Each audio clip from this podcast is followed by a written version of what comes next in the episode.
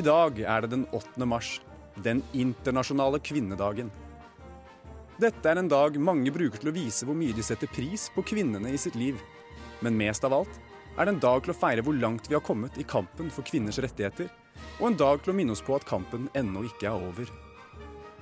Kvinners rettigheter skiller seg fra generelle menneskerettigheter ved å peke på nedarvede historiske og tradisjonelle fordommer mot kvinner og jenter.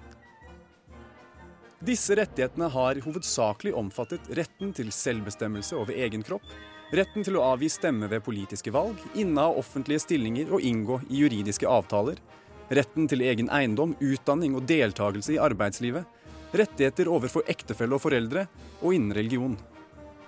I dag er dette på ingen måte en omfattende liste, og man trenger kun ta en kjapp titt på årets kvinnedagsparoler for å se at det har blitt en begivenhet for å vise engasjement og solidaritet for en rekke saker og grupper som anses for å lide under lignende fordommer som kvinner historisk har måttet kjempe mot.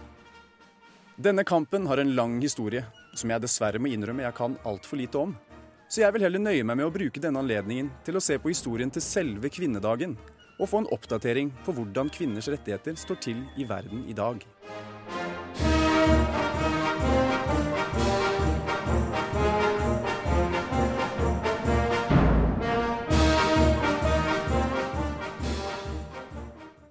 Ideen om en internasjonal kvinnedag ble lansert i begynnelsen av forrige århundre i sammenheng med kvinners kamp for stemmerett og kvinnelige fagforeningers kamp for rettigheter. Den første markeringen ble avholdt av det amerikanske sosialistpartiet den 28. februar 1909. I de påfølgende årene spredte markeringen seg til Europa som en kampdag for den sosialistiske kvinnebevegelsen. I første omgang som et redskap i kampen for stemmerett. I 1911 ble dagen offisielt markert i Sveits, Tyskland, Østerrike og Danmark. En million kvinner demonstrerte.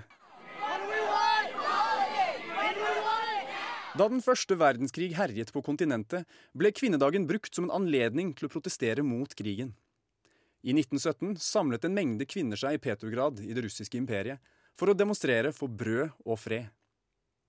Demonstrasjonen vokste, og regnes som starten på februarrevolusjonen. Revolusjonen som ledet til den endelige bolsjeviske revolusjon. Demonstrasjonen fant sted den 23. februar i Russland, men ifølge den gregorianske kalender 8. mars. Etter revolusjonen erklærte Lenin at kvinnedagen den 8. mars skulle være en offisiell helligdag i Sovjetunionen.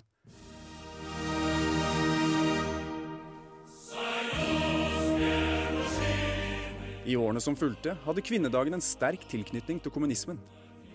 Etter Folkerepublikken Kina ble grunnlagt i 1949, erklærte også Mao dagen for en ny helligdag, og alle kvinner skulle få en halv dag fri. Av landene som har offisielle feiringer av kvinnedagen i dag, er majoriteten tidligere sovjetstater. Men formen på feiringen er ofte mer lik måten vi feirer morsdag eller valentinsdag her i Norge. I Russland er det f.eks. vanlig på kvinnedagen å gi gule mimosablomster og sjokolade i gave til kvinner. Tross sin tilknytning til kommunismen i begynnelsen av den kalde krigen, ble kvinnedagen fortsatt brukt som en markering i Vestens kamp for kvinners rettigheter. Og i 1977 erklærte generalforsamlingen i FN 8. mars den internasjonale kvinnedagen. Den originale kjernesaken i kvinnekampen stemmeretten, ble vunnet i mesteparten av verden i løpet av 1900-tallet. I Norge i 1913, Tyskland i 1918, USA i 1920 og Frankrike i 1944, for å nevne noen få. Siden den første kvinnedagsmarkeringen for over 100 år siden har kampen for kvinners rettigheter kommet en enormt lang vei, spesielt i Norge. Og da er det vel enda viktigere å fremheve hvor mye arbeid som fortsatt gjenstår i store deler av verden. De følgende tallene er valgt vilkårlig fra FN sine nettsider. I 18 land kan ektefeller lovlig hindre konene sine fra å jobbe. I 39 land har ikke sønner og døtre like arverettigheter. 49 land mangler lovverk som beskytter kvinner i hjemmet. Noen av tallene viser til forbedringer på visse felt. Andelen jenter mellom 15 og 19 år utsatt for kjønnslemlestelse i de 30 landene det praktiseres, har gått ned fra én av to jenter i år 2000 til én av tre i 2017.